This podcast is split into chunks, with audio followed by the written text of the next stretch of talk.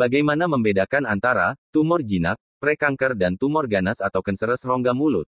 Informasi lain apa terkait hal-hal tersebut yang juga sebaiknya diketahui?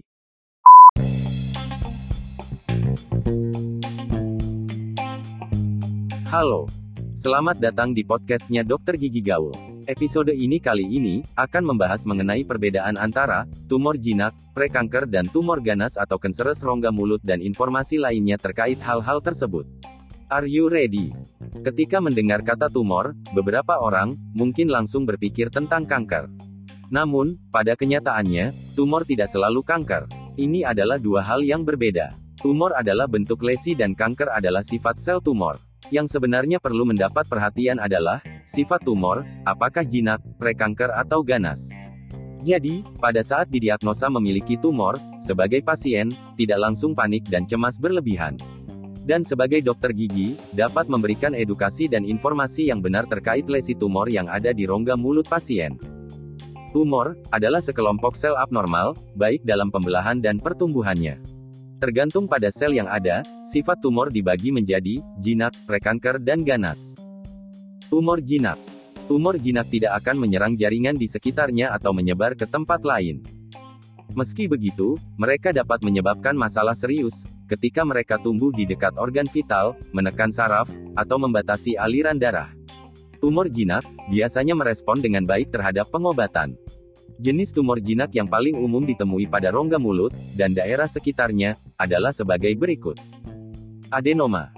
Adenoma, atau polip, berkembang dalam sel mirip kelenjar di jaringan epitel, lapisan tipis jaringan yang menutupi kelenjar, organ, dan struktur lainnya.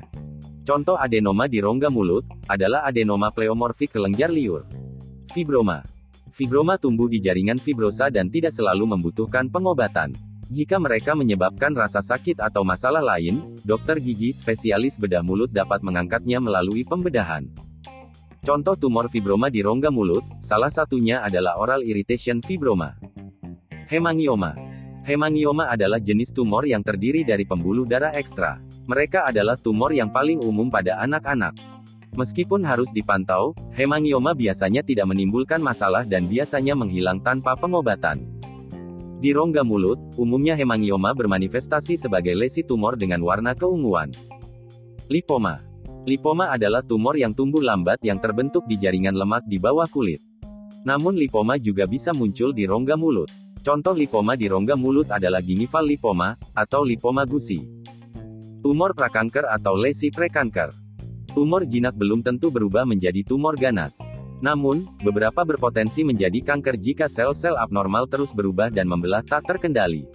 Kondisi tumor ini diistilahkan dengan prekanker atau berpotensi ganas atau premaligna.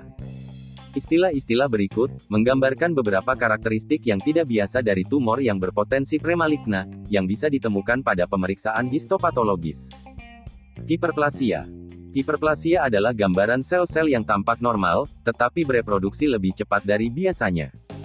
Atipia. Atipia adalah gambaran dari sel yang tampak sedikit tidak normal. Metaplasia. Metaplasia adalah gambaran sel yang terlihat normal di area tubuh tertentu, tetapi bukan jenis sel yang biasanya ditemukan di area tubuh tersebut. Displasia. Displasia adalah gambaran sel yang tampak tidak normal, bereproduksi lebih cepat dari biasanya, dan tidak tersusun secara normal. Karsinoma in situ. Pada karsinoma in situ, gambaran sel sangat abnormal, tetapi belum menyerang jaringan di dekatnya.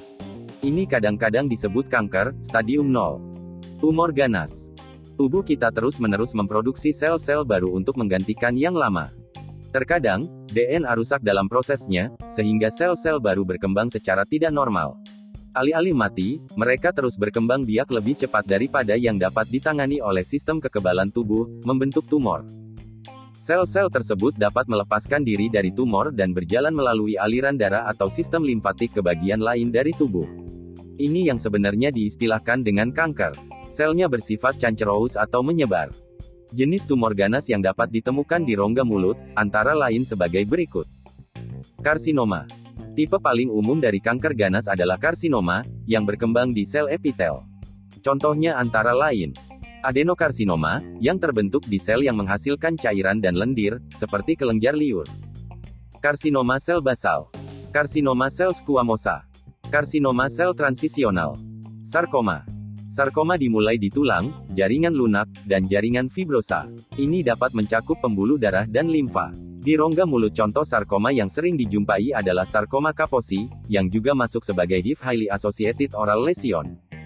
Sebagai penutup, perhatikan poin-poin berikut.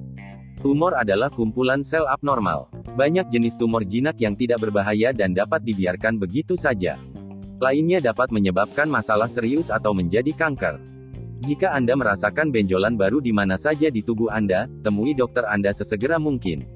Diagnosis dini memberi Anda lebih banyak pilihan perawatan dan hasil yang berpotensi lebih baik. Semoga bisa bermanfaat. Sampai bertemu di episode lainnya.